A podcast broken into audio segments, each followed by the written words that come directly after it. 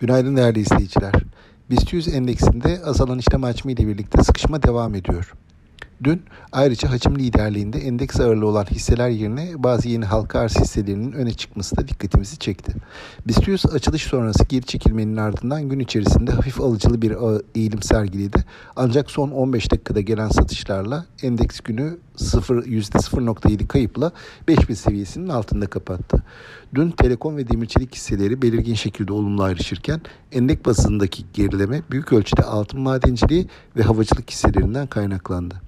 Haber akışı açısından bugün yurt içi taraf sakin görünüyor. Yurt dışında ise BIST'in kapanışa yakın saatlerinde FED tarafından ABD Senato Bankacılık Komitesi'ne yapılacak sunum piyasa tarafından yakından takip edilecektir.